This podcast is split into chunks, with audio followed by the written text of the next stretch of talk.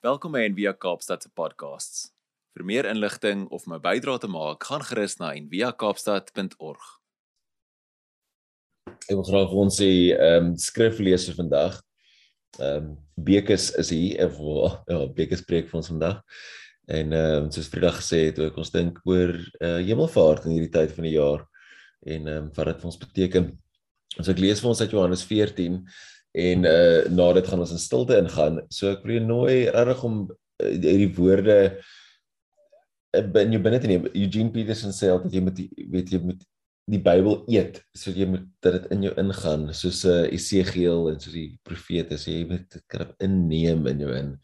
So maak jouself rustig en um luister terwyl ek vir ons die teks lees vir vandag. Jesus antwoord en sê vir hom: As iemand my liefhet, sal hy my woord bewaar en my Vader sal hom lief hê. En ons sal na hom toe kom en by hom woning maak. Hy wat my nie lief het my nie liefhet nie bewaar my woorde nie.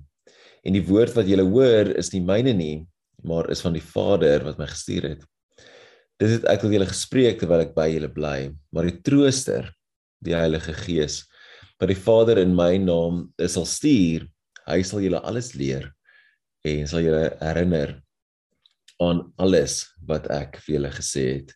Daai woord sal altyd uit vir my her, herinner, herinner. Vrede laat ek vir julle na. My vrede gee ek aan julle. Nie soos die wêreld gee, gee ek aan julle nie. Laat julle harte nie ontsteld word en bang wees nie. Julle het gehoor dat ek aan julle gesê het, ek gaan weg en ek kom weer na julle toe. As julle my liefgehad het, sou julle bly wees dat ek gesê het ek gaan na my Vader omdat my Vader groter is as ek. En nou het ek dit aan julle gesê voor dit gebeur sodat julle kan glo wanneer dit gebeur. Ek sal nie veel meer met julle spreek nie. Want die owerste van hierdie wêreld kom en het um aan my niks nie. Maar dat die wêreld kan weet dat ek die Vader liefhet en doen net soos die Vader my beveel het. Staan op en laat ons hiervandaan weggaan. So goeiedag, is baie lekker om weer saam met julle te kuier.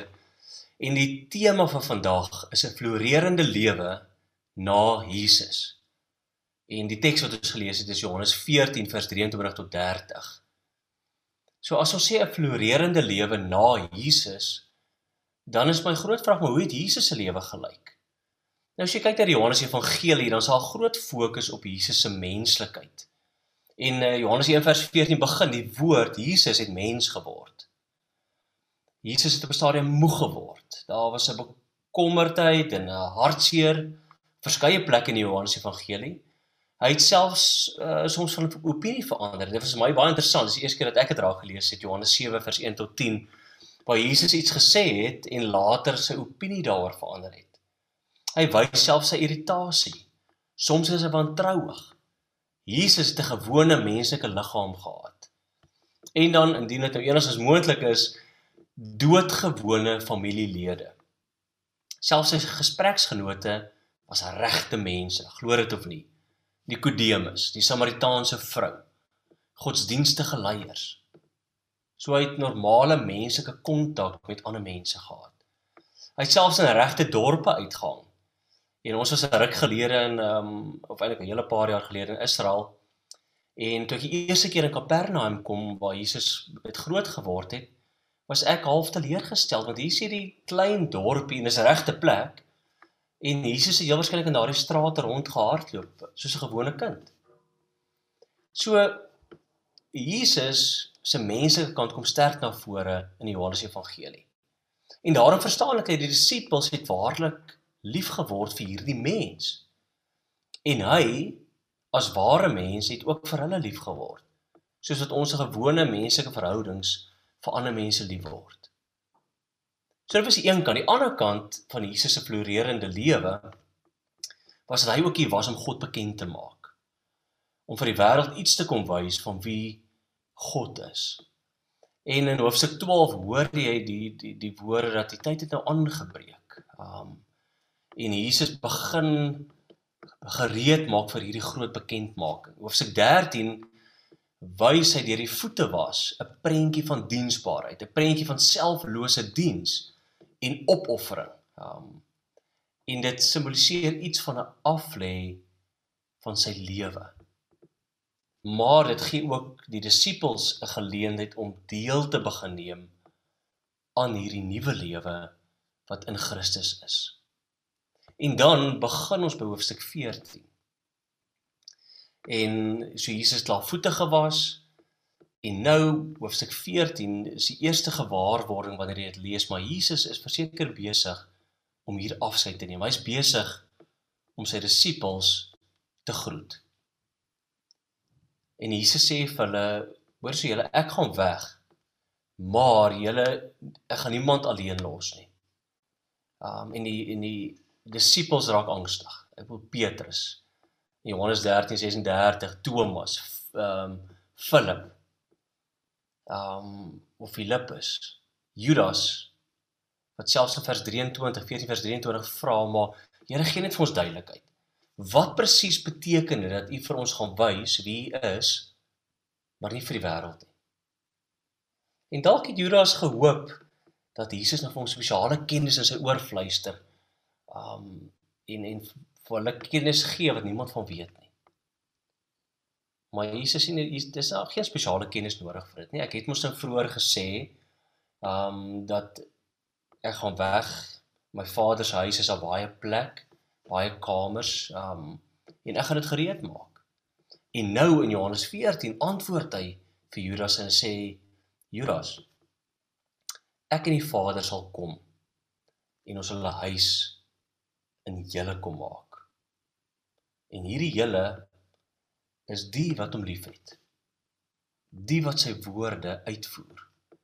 En ek neem aan Jesus het die disippels voor hom gehad en hy het met hulle gepraat. Hy sê maar weet jy, ek en die Vader gaan terugkom en ons gaan 'n huis in julle kom maak. Ons gaan woning in julle kom maak. En dan volgens Johannes Evangelie dan beteken dit dat die ewige lewe begin eintlik hier en nou deur Christus. As jy so 'n bietjie verder lees Johannes 17 vers vers 3 ehm um, word hy word hier oor geskryf. So iets van die ewige lewe begin reeds nou en en dis vir my baie interessant dat daar nogal by die as jy kyk na vandag se wêreld dat daar baie gelowiges is wat nog steeds hierdie ding het van ehm um, jy het amper 'n klap op jou skouers die Here het spesiaal vir jou ietsie gesê het. Uh, so die Here het vir my gesê dan jy voel met die ou wat niks van die Here af gehoor het, half sleg gehoor want hoekom het ek nou nie 'n spesiaal ding van die Here gehoor nie. En jy en, en Jesus sê nee nee nee. Julle hoef eintlik niks spesiaals te hoor nie. Ek kom woon by julle. Ek woon in elkeen van julle. As jy my as jy my ken, kom woon ek in jou, ek en die Vader. En dit is dan eintlik die ehm um, al die begin van hierdie floreerende lewe. Al is Jesus nie meer hier op aarde nie. 'n Tweede gewaarwording is dat ons is nie alleen nie. Hy stuur ook vir ons, hy en die Vader kom woon uh, in ons. Maar hy stuur ook die Heilige Gees, hy stuur die Parakleet. En uh, dan praat Jesus van die Gees se werk in gelowiges op op uh, ag nee, is Johannes op twee maniere. So hy sê daar's aktiwiteite wat in individue plaasvind wat hierdie Parakleet die Heilige Gees kom doen. Maar daar is ook aktiwiteite wat in die gemeenskap van gelowiges plaasvind. En wat hy hierna verwys is daar die Heilige Gees eh, bring hierdie wedergeboorte of hierdie geboorte van bo af in mense tot stand. En dan maak hy gelowiges deel van God se familie. Maar hy berei ook 'n plek voor in die Vader se huis waarheen ons ook kan gaan. So net gou vinnig die die die konsep of die idee van parakleet het ek onlangs 'n uh, gedeelte uh, gedeelte by Prof Jan van der Walt geleer wat wat sê maar hierdie parakletos kom van die die ehm um, die in in daardie tyd was daar ryk mense wat baie mag gehad het en arme mense wat geen mag gehad het nie. Dis nou in Jesus se tyd. En uh, ek dink ons sien dit vandag nog steeds. En dan wanneer ryk mense ander misbruik het, kon die arme mense niks doen nie. Jy weet, jy staan uitgelewer aan hierdie magtige mense, hierdie magtige ryk mense. Maar toe daar 'n stelsel ontwikkel waar arme mense nader probeer beweeg het aan ryk mense deur middel van gunste en gawes. So jy het eintlik nou 'n vriend, 'n ryk mans vriend begin kry deur guns en gawes wat jy vir hulle gedoen het. En dan as ander rykes kom en iets probeer doen aan hierdie arm persoon, dan het die persoon na sy ryk vriend toe gegaan en gesê maar kom help my. En die ryk vriend wat dan ons ook om help, is die Parakletos genoem. En en dis dis 'n konsep wat Johannes hier gebruik, is hierdie spesiale helper. Ehm um, iemand wat called along beside. So iemand who can come alongside us. So iemand wat langs ons in beweeg, iemand wat ons kom help. En dan staan in Johannes Evangelie se ander woorde, trooster, voorspraak, advokaat, raadgewer, pleitbesorger, tussenganger, helper. So verskeie woorde en en en titels wat eintlik aan die Heilige Gees toegedig word. En dan weer eens prof Jan van Ravat wat uh, ongelooflike mooi beelde wat hy gebruik. So die Bybel gebruik daardie beelde, maar hy sê dit die Heilige Gees is ook eintlik soos 'n soos 'n hemelse naalstring. So dit verbind ons in die hemel. Dit is eintlik soos hemelse aardvoeding. So die Heilige Gees is amper soos die inspuiting wat jy kry van die hemel af van God hier by ons, God hier met ons, God in ons. Die Heilige Gees is ook 'n karaktervormer. En dan 'n verskriklik mooi beeld wat ek nog nooit van gehoor het nie, is die Heilige Gees is, is soos 'n geestelike binnenshuise versierder. So hy's 'n 'n spiritual interior decorator. Um, so hier, hierdie parakletos word aan gelowiges toe gestuur en en hou eintlik die koneksie dan nou tussen hemel en aarde lewendig. So ons is nie alleen nie. Dit vul ook die spasie wat Jesus hier gelaat het. So hy's 'n waarborg dat Jesus se geestelike teenwoordigheid sal by ons almal wees wat hom volg. So is daai koneksie tussen hemel en aarde is vir nou sy teenwoordigheid wat hy bewaarborg, maar ook terug. Um so die Heilige Gees herinner ons aan dit wat Jesus geleer het en wie Jesus was en herinner ons aan Jesus se lewe en waar Jesus floreer het. Maar dan die mooi wat die, die Heilige Gees ook doen as jy Johannes 15 lees, dit lewer ook getuienis aan die nie gelowiges in die wêreld. So die die Parakletos help vir ons om nou reeds deur sy teenwoordigheid 'n floreerende lewe te kan begin leef. Dan 'n derde gewaarwording is dat ons um, ons kan nou in vrede begin leef. En dit gaan daaroor dat Johannes se Christologie, so wie Christus is, en sy pneumatologie, wie die Gees is, dit belyn met mekaar. Ehm um, daar's oorbrugging tussen hemel en aarde. Dis ons hoor van tyd en ewigheid. Daar's 'n 'n bemiddeling van gawes, 'n bemiddeling van ewige lewe. Daar's redding wat deur die Christus en deur die Gees plaasvind. En daarom Johannes 14 vers 1 wat sê laat julle harte nie ontstel word nie. Glo in God. Glo ook in my. En dan kom Jesus in Johannes 14 vers 27 vrede laat ek vir julle na. My vrede gee ek aan julle nie soos die wêreld gee nie. Maar ek gee ek gee 'n ander tipe vrede. Laat julle harte nie ontsteld word en bang wees nie. Nou hierdie so so Jesus kom stel homself voor, ek bring vir julle vrede, maar in hierdie aankondiging lewer hy ook eintlik kritiek teen die sosiale en die politieke klimaat van die dag, die Pax Romana wat ook iets van 'n vrede, sogenaamde vrede uh, gebring het.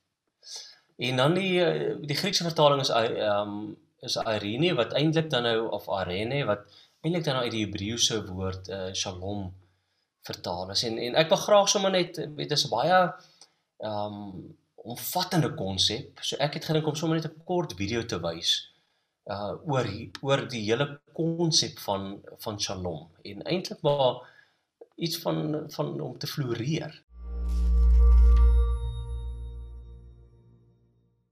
Die woord vrede kom voor in meeste tale. Mense kan 'n vredesooreenkoms of tye van vrede praat. Dit beteken die afwesigheid van oorlog. En in die Bybel kan die woord vrede verwys na die afwesigheid van konflik, maar dit dui ook op die teenwoordigheid van iets beter in die plek daarvan. In die Ou Testament is Shalom die Hebreëse woord vir vrede. En in die Nuwe Testament is die Griekse woord eirene. Die mees basiese betekenis van Shalom is volledig of heel. Die woord kan verwys na 'n klip wat perfek heel is en sonder krake. Dit kan ook verwys na 'n voltooide klipmuur met geen gate of vermiste stene nie. Shalom verwys na iets wat ingewikkeld is met baie stukke, wat in 'n toestand van volledigheid of heelheid is. Dis is Job wat sê sy tente is in 'n Shalom toestand, want hy het sy kudde getel en geen diere word vermis nie. Dis hoekom Shalom na 'n persoon se welstand kan verwys, soos toe Dawid sy broers op die slagveld besoek het en hy oor hulle Shalom gevra het. Die kernidee is dat die lewe kompleks is, vol bewegende dele en verhoudings en situasies. En wanneer enige van hierdie uitplek of weg is, stort jy Shalom in duie. Die lewe is nie meer heel nie. Dit moet herstel word. Om die waarheid te sê, dis die basiese betekenis van Shalom as jy dit as 'n werkwoord gebruik. Om Shalom te bring beteken letterlik om heel te maak of te herstel. Salomo bring Shalom na die onvoltooide tempel wanneer hy dit voltooi. Of as jy dier per ongeluk jou buurman se veld beskadig, Shalom jy hulle deur ten volle te betaal vir hulle verlies. Jy vat wat vermis word en jy herstel dit heeltemal. Dieselfde geld vir menslike verhoudings. In die boek van Spreuke is om versoening te bring en 'n gebroke verhouding te genees, die manier om Shalom te bring.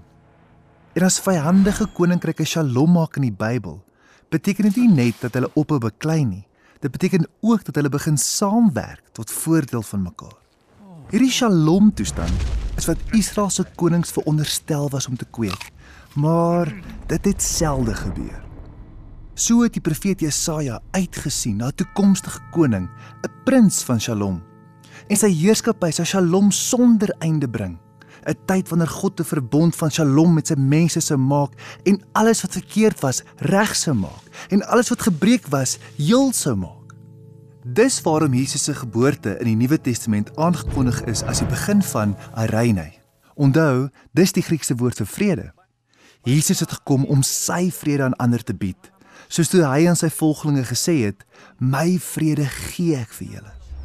Die apostels het beweer dat Jesus vrede gemaak het tussen stikkende mense en God toe hy dood is en uit die dood opgestaan het.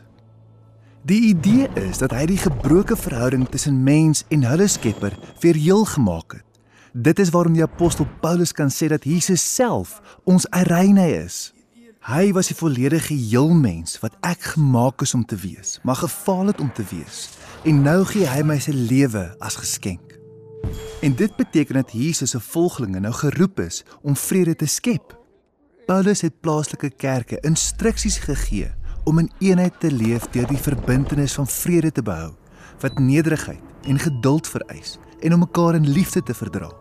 Om mense van vrede te word beteken deelname aan die lewe van Jesus wat alle dinge in die hemel en die aarde versoen het en vrede herstel deur sy dood en opstanding. So vrede verg baie werk omdat dit nie net die afwesigheid van konflik is nie. Werklike vrede vereis om dit wat gebroken is na iets heel te herstel. Of dit nou in ons lewens, ons verhoudings of in ons wêreld is. En dis die ryk Bybelse konsep van vrede.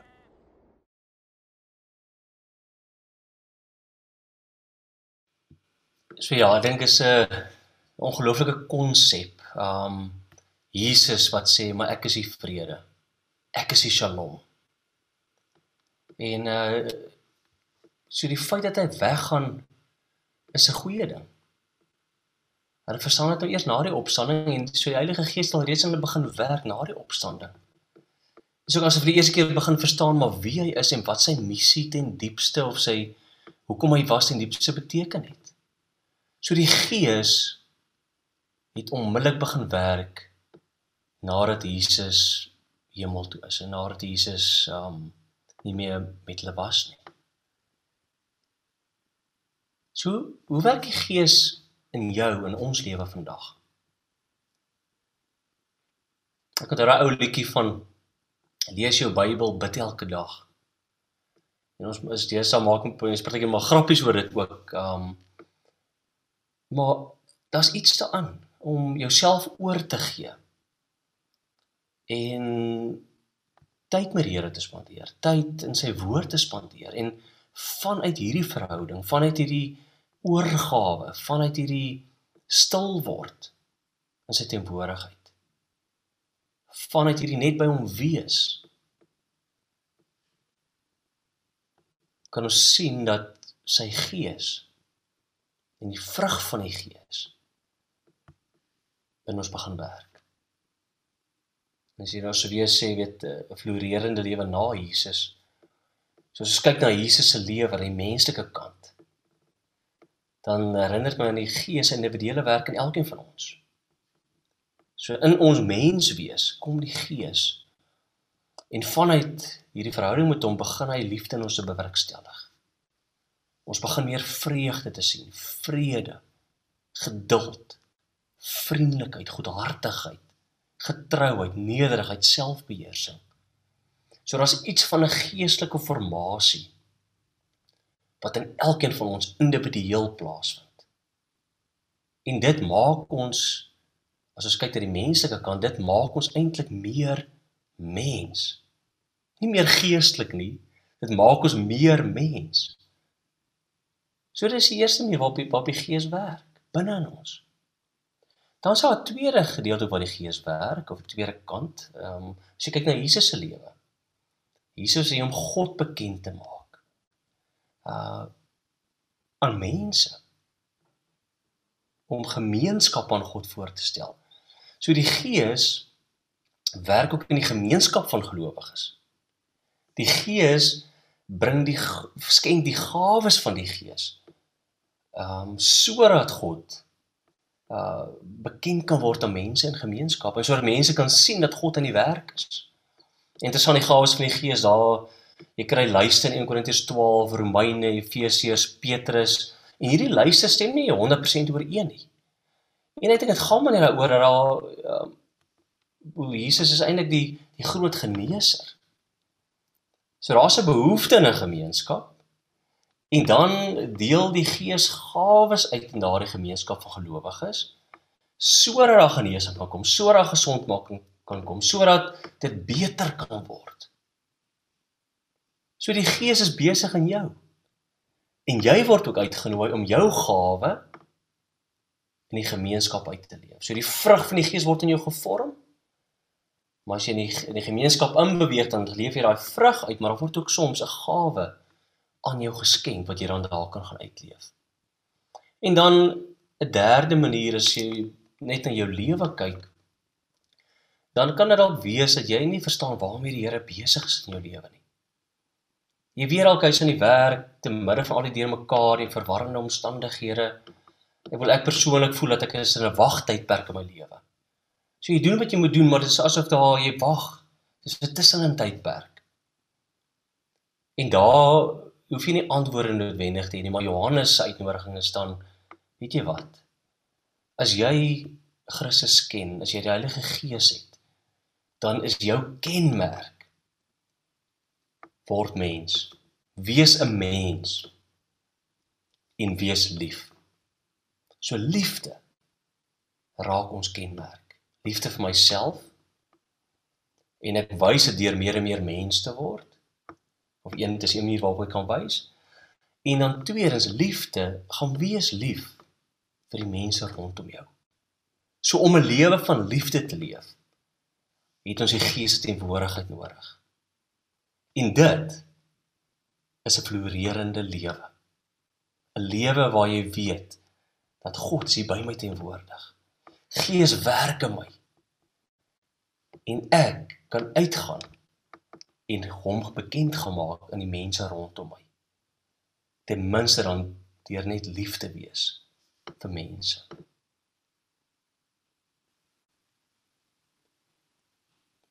Die Gees nooi vir jou uit. Stel jou lewe weer vanoggend oop en sê Here, hier is ek. Ek gaan 'n kort gebed doen. Vader, ons kom gee ons lewe sommer net weer vanoggend vir U. en ons weet dat U in ons aan die werk is maar maar kom asseblief soos 'n geestelike binnenshuise versierder. En kom in elke deel van ons lewe in. Selfs daai gedeeltes wat toegesluit is. En en bewoon dit net weer asseblief. Daai gedeeltes wat ons probeer weghou van U af help ons in daardie gedeeltes. Maar Vader help ons ook om om dan uit te gaan in hierdie wêreld en in ons gemeenskappe en om om die vrug van die gees daar te gaan uitleef, om liefde te gaan uitleef. En Vader, as U ons begenadig, gee ook vir ons 'n gawe. Of laat ons bewus word van die gawe wat U vir ons gegee het sodat ons ook aan genesing en gesondmaking kan bring in ons gemeenskappe.